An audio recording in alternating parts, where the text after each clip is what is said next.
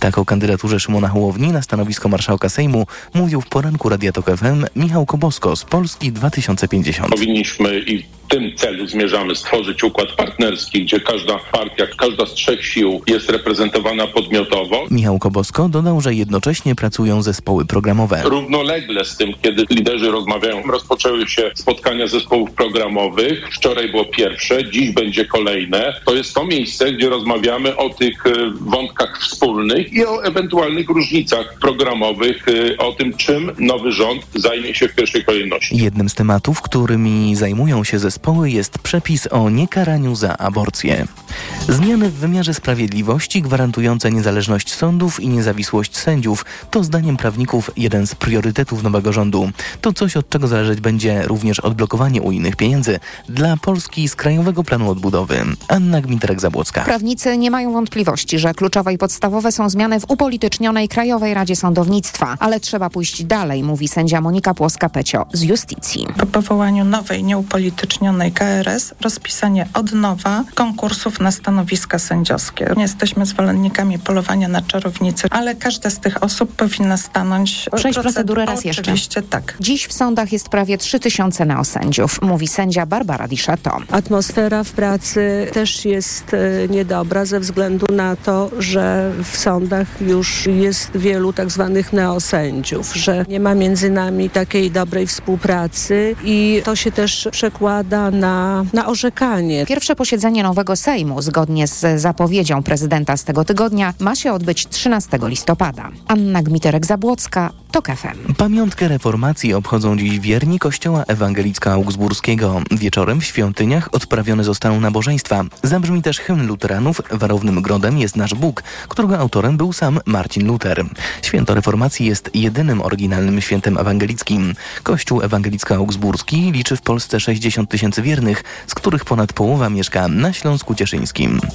Nadgodziny wciąż są plagą polskiego rynku pracy. Co najmniej godzinę dziennie więcej wyrabia zdecydowana większość pracowników. Dlaczego? O tym Wojciech Kowalik. Liczby nie pozostawiają wątpliwości. Problem jest. 85% badanych pracowników deklaruje, że pracuje w nadgodzinach. W tej grupie 68% deklaruje, że wykonuje tą dodatkową pracę również w święta czy wolne weekendy. Mówi współautorka badania Agnieszka Czarnecka z agencji rekrutacyjnej Hayes Poland. Podstawowe powody nadgodzin to nadmiar obowiązków, chęć przypodobania się szefowi i kultura firmy. Ta kultura długiej pracy, dużej ilości pracy, wymagań e, coraz większych w organizacjach wielu nadal funkcjonuje. To jest taka duma z tego, że jesteśmy zajęci, że mamy co robić. Ale podejście do pracy w nadgodzinach już się zmienia razem z zyskującym na znaczeniu trendem równowagi życia zawodowego i prywatnego. Wojciech Kowalik, TOK FM. Teraz to wszystko, a kolejne wydanie informacji o 12.20.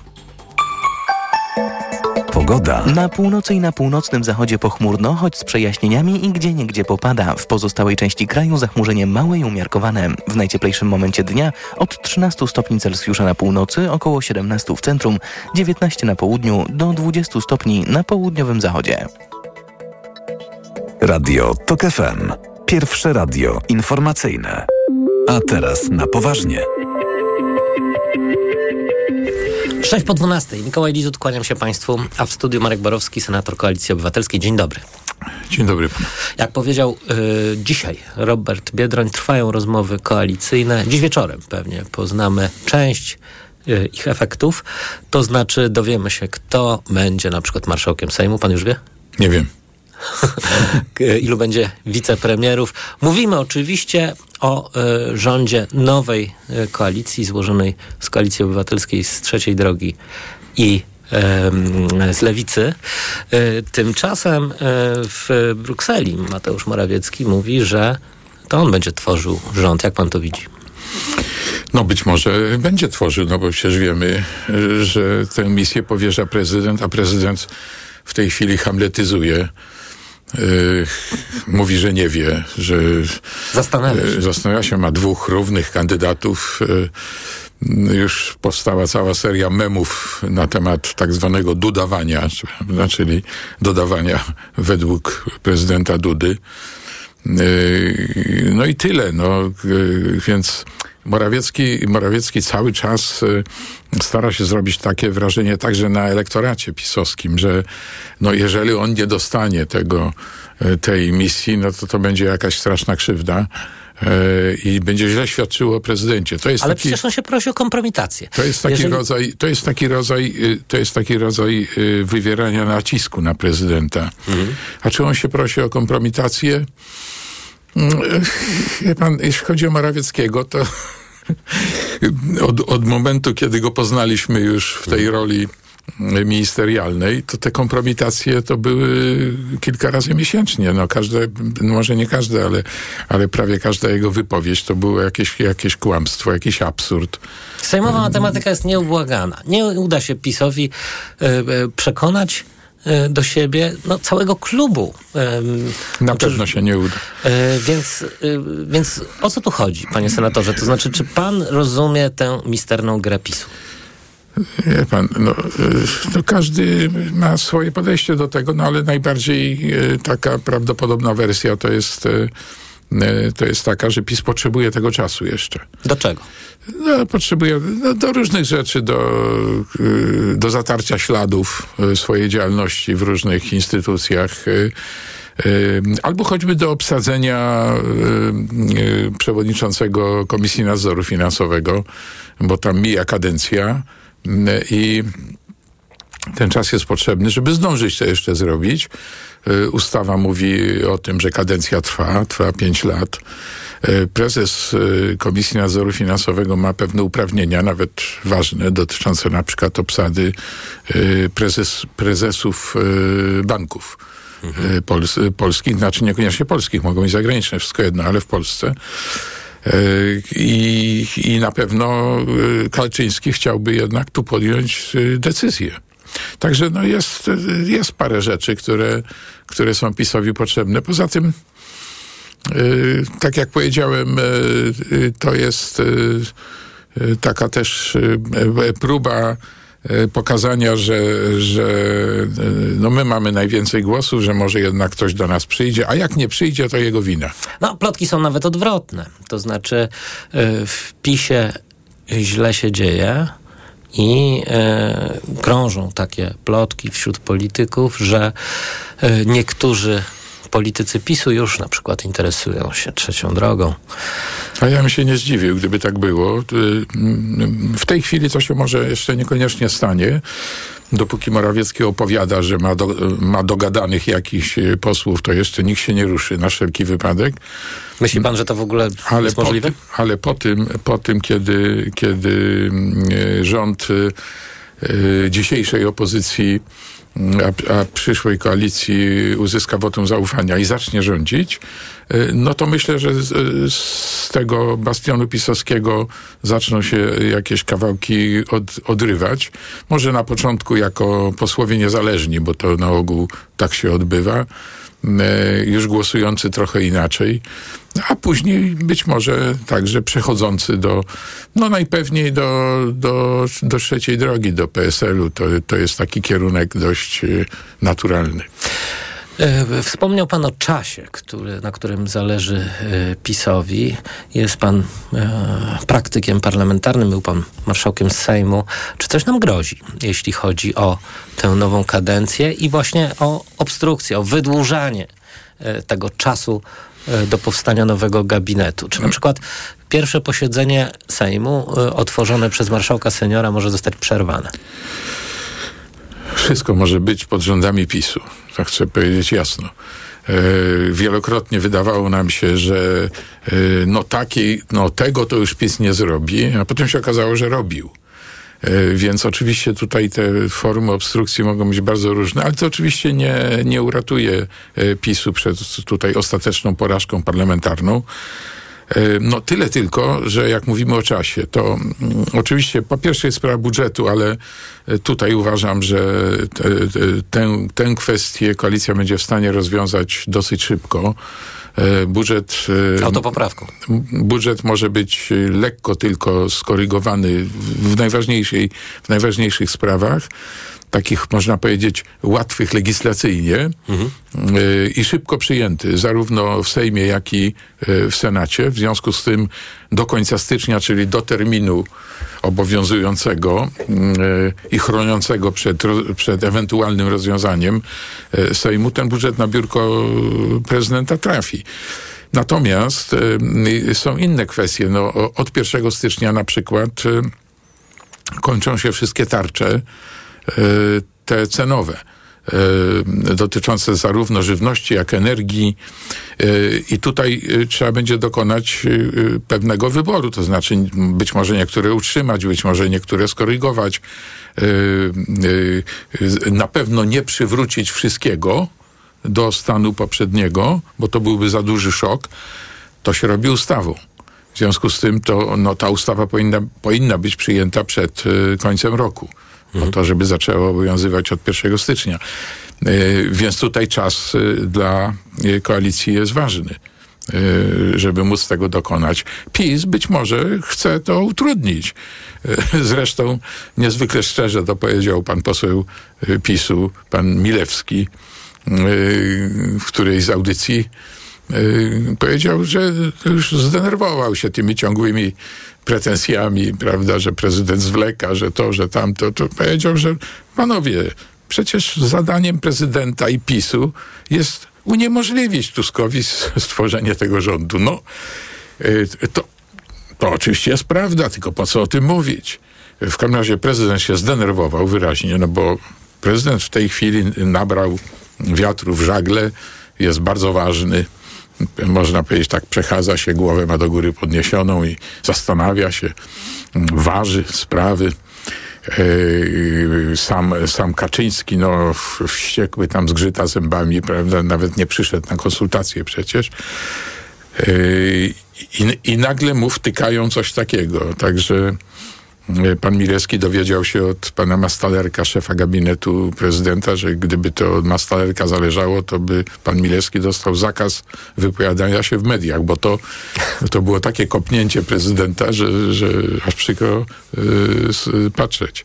No tam iskrzy rzeczywiście między, między pałacem e, prezydenckim a Nowogrodzką. No dość powiedzieć, że właśnie to pan Mastalerek mówił, że, że Kaczyński właściwie Powinien już, powinien tak, już pójść na powinien. emeryturę. Nie, to już widać, że w tej chwili yy, Duda już yy, no urwał się już, yy, urwał się yy, Kaczyńskiemu. To nie ulega- już wie, że po prostu to jest jego przecież ostatnia kadencja. Ma jeszcze półtora roku. Yy, on, Duda wie, że Kaczyński rządził nie będzie. On w tej chwili prowadzi takie różne gry i zabawy, ale, ale wie, że Kaczyński rządził nie będzie. W związku z tym no nie ma powodu mu się podlizywać. Y, y, No, czyli- myśleliśmy, że nie ma powodu już znacznie wcześniej. Druga kadencja właściwie No nie, ale to, e, to byłaby niepodległością. Nie, e, nie, ale Dudy. wcześniej to, wcześniej to była taka sytuacja, że nie wiadomo, czy, czy, czy, czy Kaczyński nie będzie dalej rządził. W związku z tym, e, w momencie, kiedy Duda kończy prezydenturę, no, coś musi robić. I tutaj rządzący Kaczyński ze całym aparatem i ze swoimi możliwościami może mu tę robotę załatwić. Także lepiej uważać. Natomiast po wyborach to już wiadomo, że Kaczyński jest przegrany po prostu i musi odejść. Dlatego też i Mastalerek sobie pozwolił na e, tak daleko idącą e, sugestię. Pojawiły się takie plotki, że e, właśnie Andrzej Duda będzie walczył o schedę po Kaczyńskim, to znaczy ustawia się w pozycji delfina. Tych delfinów e, było, jak pan pamięta, kilku. E, niektórzy no, po prostu okazali się rybami. leszczami, leszczami. Pana, no to jest możliwe, tylko że to, taka perspektywa, to znaczy ta przyjęcie tego, tej prognozy, czego założenia, że Duda yy, ustawia się na przyszłego szefa yy, Prawa i Sprawiedliwości, czy cokolwiek z niego zostanie, to nie jest dobre dla Polski, dlatego że e, Duda będzie starał się przypodobać e, e, tej e, i elektoratowi, i e, e, tej całej hierarchii. No, dlatego być może e, I to jest jeden z Przed- powodów. przedwczesne są te prognozy o współpracy z opozycją. Y, Ale nie wiem, kto takie prognozy robi. E, No, na, na, nadzieja e, przebijała tutaj w wypowiedziach nawet Donalda Tuska. To znaczy, no, ja uważam, że każdy y, polityk dzisiaj y, y, y, obozu przyszłej władzy, czyli obecnej opozycji, y, nie powinien naskakiwać na prezydenta i tam go obrażać i tak dalej, i tak dalej. Y, Dlatego, że to już, to już na pewno będzie tą współpracę utrudniało. Być może ona i tak będzie utrudniona, ale może coś się jednak mimo wszystko uda uzyskać. Dlatego nie to, żeby y, tam mu się podlizywać, chwalić go, prawda, czy, y, czy stwierdzać, że to w ogóle jest świetny prezydent, prawda, i o, o czym my mówimy. Natomiast no, nie ma powodu utwardzać go w takim przekonaniu, że z opozycją nie ma w ogóle o czym gadać. E, ale y, kierunek na szefowanie e, PiSowi to jest, to, to będzie oznaczało, że on bardzo możliwe, że teraz da jednak misję Mo- Morawieckiemu, żeby nie było, że, że, że od razu zrezygnował i tak dalej, że no proszę, spróbowałem, widzicie, ale nie wyszło. Mało tego, porażka Morawieckiego może być mu na rękę, no bo Mora, Morawiecki też się starał Tak. o szefowanie. Więc y, taki kandydat od razu byłby przegrany na początku. Więc to po pierwsze, y, a potem będzie gorzej. To znaczy potem będzie tak zwana koabitacja. Tylko koabitacja oznacza jednak jakąś współpracę. To słowo. Y, A ja się obawiam, że tej Duda, współpracy że Duda będzie, będzie twardo przeszkadzał. Marek Borowski, senator Koalicji Obywatelskiej. Bardzo dziękuję. Dziękuję. A Państwa zapraszam na informacje. A teraz na poważnie. Autopromocja. Śmielej. Stand-uperzy o polityce. Bezkompromisowo i bez cenzury. O powyborczej rzeczywistości. Rzeczywistości. Zaprasza Kamil Śmiałkowski. W najnowszym odcinku udział wzięli Jakub Ćwiek i Bartek Zalewski. Śmielej! Tylko w Tok FM Premium. Posłuchaj na tokefm.pl lub w aplikacji mobilnej Tok FM. Autopromocja. Reklama. Aniu, boli mnie gardło. Czy możesz wziąć za mnie zastępstwo w piątej A? Oczywiście, Ewa. A ty na zapalenie gardła weź pastylki do ssania Septinum Silver.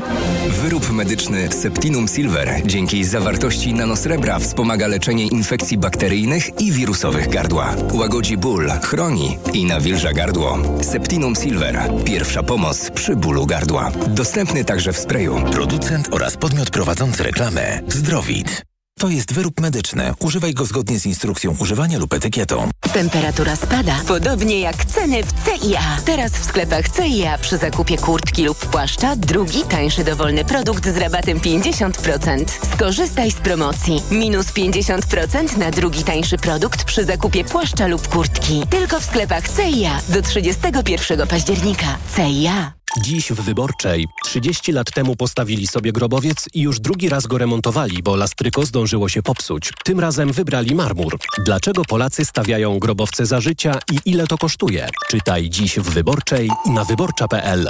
Reklama. Radio Tok FM. Pierwsze radio informacyjne. Informacje Tok FM. 12.21 Piotr Jaśkowiak, zapraszam. Pogarsza się sytuacja w strefie gazy. Według Hamasu izraelskie bombardowania pochłonęły już ponad 8 tysięcy ofiar śmiertelnych. Władze w Tel Awiwie wzywają cywilów, by ewakuowali się na południe strefy, ale równocześnie utrudniają dostawy pomocy humanitarnej. Prokurator Międzynarodowego Trybunału Karnego w Hadze, Karim Khan. Utrudnianie dostaw pomocy zgodnie z konwencjami genewskimi może stanowić zbrodnie podlegające naszej jurysdykcji. Obecna odsłona wojny w Ziemi Świętej zaczęła się od ataku Hamasu na Izrael, w którym zginęło niemal półtora tysiąca ludzi. Armia ukraińska twierdzi, że w nocy przeprowadziła skuteczny atak na, tu cytat, strategiczny obiekt systemu obrony powietrznej Rosji na Krymie. Rano okupacyjne władze Krymu ogłosiły alarm przeciwlotniczy i wstrzymały ruch na moście łączącym Półwysep z Rosją. W Sewastopolu słychać było eksplozję. Pracownicy kolei belgijskich zapowiadają strajki w listopadzie i grudniu. Obawiają się zwolnień. To jeszcze bardziej ograniczy ograniczy obsługę podróżujących i osób o ograniczonej sprawności ruchowej, mówią związkowcy. Państwowy przewoźnik kolejowy zapowiedział zmiany w organizacji pracy, które mają sprawić, że firma stanie się bardziej wydajna. Rozmowy zarządu ze związkami zawodowymi nie przyniosły kompromisu. Słuchasz informacji TOK FM. Bydgoszcz przyjęła program działań na rzecz równego traktowania. Strategię na kolejnych pięć lat krytykują politycy Prawa i Sprawiedliwości, którzy uważają, że nadaje się do kosza. Agnieszka Wnarska. Program wpisuje się w krajowe i światowe wytyczne na temat przestrzegania praw człowieka, mówi szefowa Biura Aktywności Społecznej Dorota Glaza. Zwiększanie wrażliwości osób pracujących w strukturach miejskich na kwestie związane z równym traktowaniem, niedyskryminacją, prawami człowieka oraz stosowanie przez nie tych zasad w praktyce. Zapewnienie dostępu do wsparcia dla osób i grup narażonych na dyskryminację. Zdaniem radnych PiS, którzy nie zostali zaproszeni do współtworzenia programu, dokument nadaje się do kosza. Radny Krystian Frelichowski. Trzeba zacząć pracę od nowa. Czytamy, że trzeba zadbać o kobiety i dzieci prześladowane. A co z mężczyznami? Pomocy dla kobiet jest wiele. Dla mężczyzn prześladowanych, terroryzowanych nie ma żadnej. Program został przyjęty głosami radnych Koalicji Obywatelskiej i Lewicy, którzy mają w Bydgoszczy większość. Agnieszka Wynarska, TOK FM. Więcej informacji o 12.40. Pogoda. Termometry pokażą dzisiaj w Gdańsku 14 stopni Celsjusza, w Białymstoku 15, w Poznaniu, Łodzi i Warszawie 17, w Krakowie 18 stopni, a 20 we Wrocławiu. Synoptycy zapowiadają słaby deszcz na północy i północnym zachodzie, gdzie indziej zachmurzenie małe i umiarkowane. Radio TOK FM. Pierwsze radio informacyjne. A teraz na poważnie. Profesor Agnieszka Legucka z, z Polskiego Instytutu Spraw Międzynarodowych jest gościem programu. Dzień dobry. Dzień dobry panu, dzień dobry państwu. Władimir Putin tym razem na pewno zmarł. E, tak twierdzi Walerii Solowiej, e, analityk polityczny. E, no, tylko oczywiście warto się zastanowić, czy informacja o śmierci Putina nie jest przedwczesna bardzo mi przykro zdementować tę wiadomość. E, niemniej jednak o śmierci Putina dość często się w rosyjskiej infosferze, jeżeli tak mogę powiedzieć, e, mówi. E, bardzo dużo wersji i teorii spiskowych jest zarówno o tym, że ma kilku sobowtórów, jak i że już zdążył dawno temu umrzeć i podawane są zdjęcia pokazywane, nie biorąc pod uwagę tego, że Władimir Putin mm, jest bardzo uzależniony od botoksu i próbuje również się odmładzać różnymi innymi sposobami. Mm, stąd też teraz też e, właśnie tego politologa wyciągnięto, to znaczy on sam bardzo szczegółowo opisał, jak to wyglądało, e, że tam o 20.40 czasu moskiewskiego a Putin miał rzekomo zawał, a nikt mu nie mógł pomóc. Takie trochę odtworzenie No właśnie, śmierci. to tra tradycja, e, rosyjska tradycja, Stalina, na przykład tak. śmierci Józefa Stalina, który jak wiadomo leżał w swoim gabinecie, gabinecie kilkanaście godzin.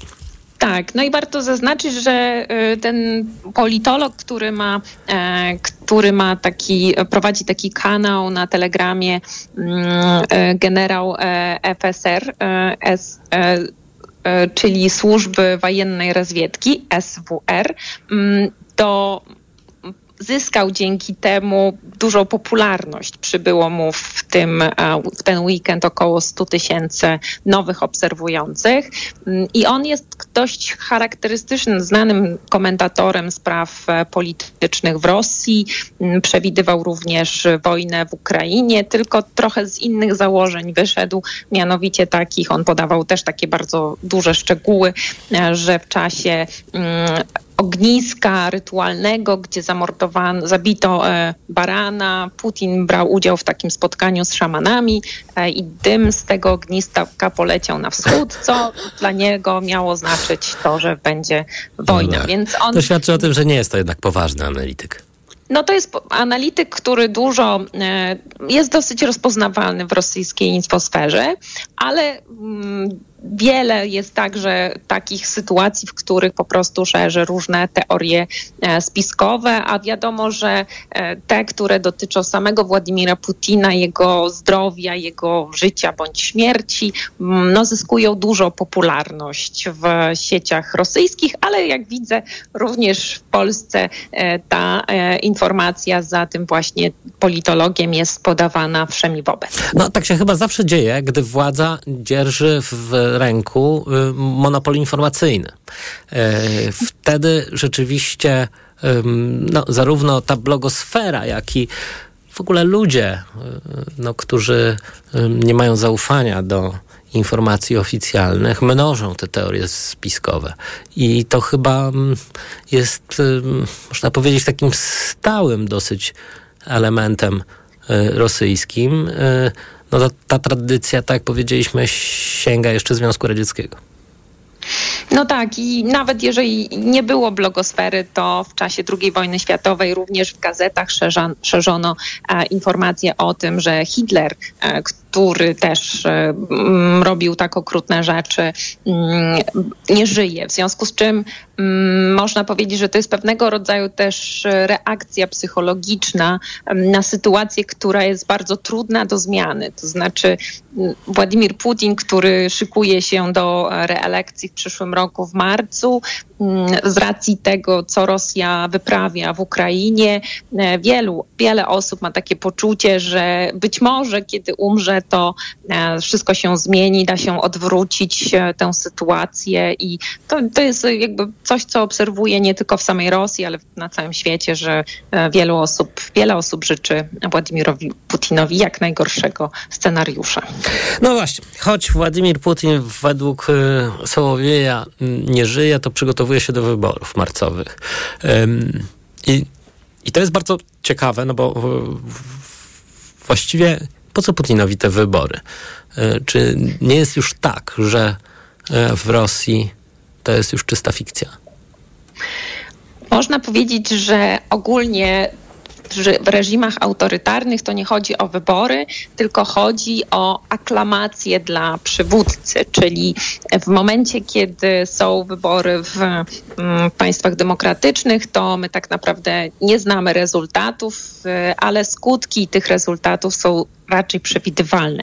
W Rosji jest odwrotnie gdzie my nie znamy tak naprawdę skutków tego, co się wydarzy i to jest najbardziej taki trudny moment, ale są wiadome już rezultaty, czyli że jeżeli Władimir Putin rzeczywiście będzie kandydował, no to raczej nikt nie przewiduje, że będzie miał bardzo wysoki ranking poparcia. To jest sygnał, który jest wysyłany nie tyle do społeczeństwa, na którym się bazuje jako tej grupie wyborczej, ale manipuluje się wielokrotnie mm, e, tymi właśnie rezultatami, ale chodzi o sygnał wysyłany do elity. Dlatego, że w Rosji, jeżeli coś zacznie się dziać, e, takiego, którym, którym, takiego co mm, może zrzucić Władimira Putina ze stanowiska, no to coś wyjdzie z góry. To nie będą działania oddolne. Oddolnie ludzie się będą mogli dołączyć później. Natomiast e, właśnie elita, która mm, ponosi pewne koszty związane związane z wojną w Ukrainie, to jednak cały czas trzyma się wersji, że Rosja zwycięży. To znaczy innego, innego scenariusza nie wyobraża sobie niż tylko zwycięstwo Władimira Putina i oczywiście Rosji e, na froncie ukraińskim. W związku z czym to jest bardzo ważny moment potwierdzenia przywództwa e, kolejnego prezydenta, czy tam w, te, w, tym przypadku mamy Władimira Putina, e, wobec elity jako tego, który mu daje legitymację społeczną. No, chyba dosyć niebezpieczne jest kandydowanie przeciwko Putinowi w tej sytuacji.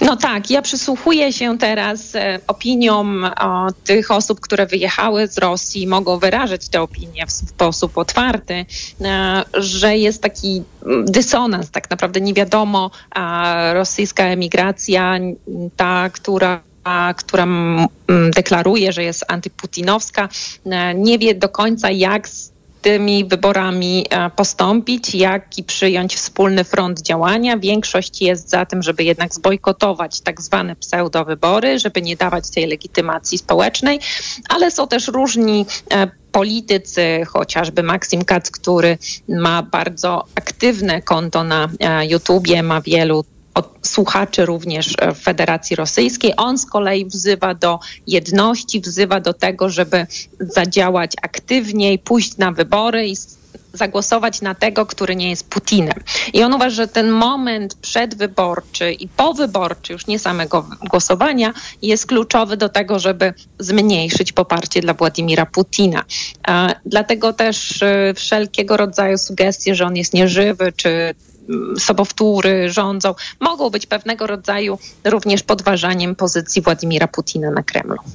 No ale jeśli chodzi właśnie o tych kontrkandydatów, yy, czy coś wiadomo już w tej chwili? Yy, wybory już w marcu, to jest całkiem yy, niedługo. Tak, no kontrkandydaci muszą być po pierwsze starzy, żeby nie stanowić konkurencji dla takiego hasła, które kiedyś jeszcze głosił w czasie pandemii mm, mm, Aleksiej Nawalny, czyli że to jest dziad w bunkrze.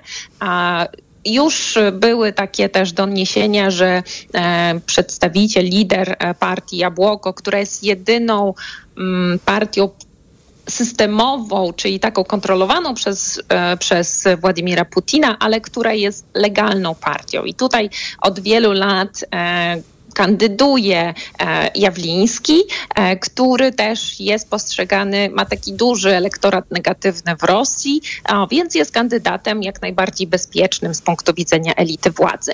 E, pozostali jeszcze nie zostali wyselekcjonowani. Kampania jeszcze się nie zaczęła, aczkolwiek, no tak jak mówię, wiele działań Putina dzisiaj, które się obserwuje w mediach mainstreamowych w Rosji, bo tych już niezależnych jest bardzo niewiele, właściwie praktycznie tylko z zagranicy nadają na terytorium Federacji Rosyjskiej, no to tych kandydatów e, nie ma, a Władimir Putin cały czas prowadzi swoją kampanię wyborczą. No właśnie, no ale ym, w Rosji jeszcze, gdy y, żył Żelenowski, był, y, no, był taki duży sentyment komunistyczny. Ciekaw jestem, czy komuniści jeszcze w Rosji działają legalnie, e, czy to jest opozycja wobec Putina i czy mogą wystawić swojego kandydata.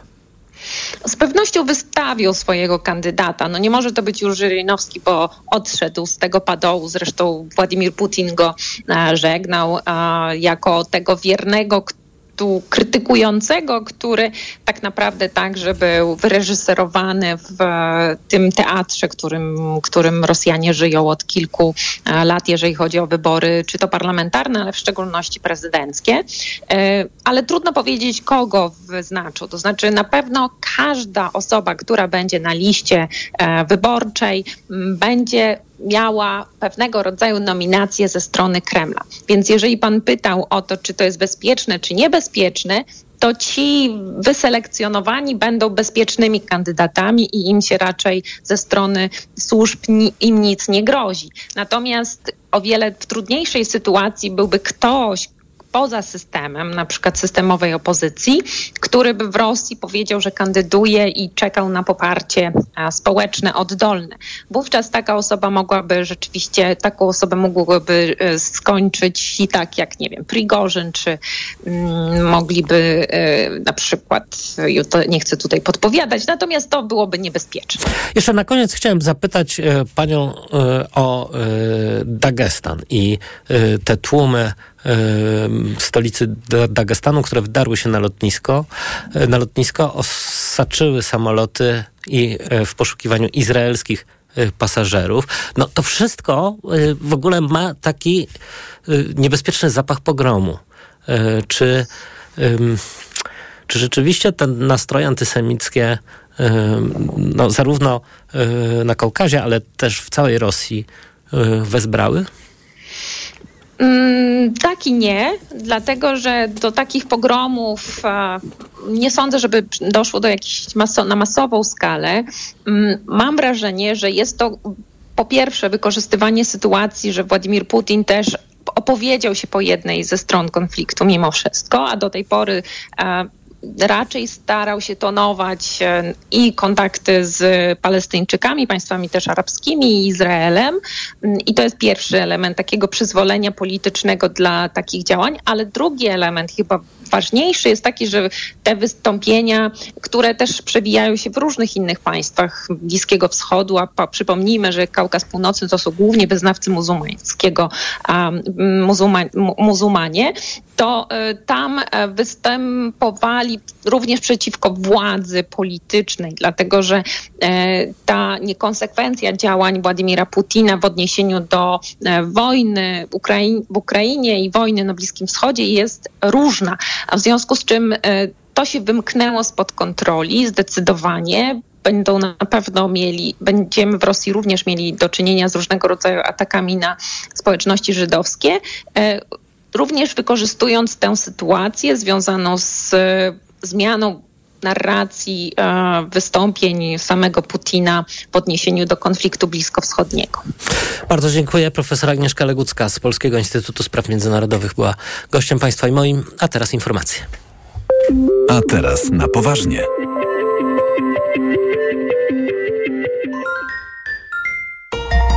Od światowych rynków po Twój portfel. Raport gospodarczy.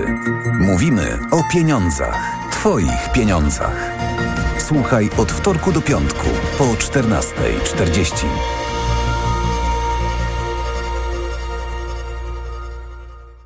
Idealnych temperatur życzy sponsor programu, producent klimatyzatorów i pomp ciepła Rotenso. www.rotenso.com Reklama.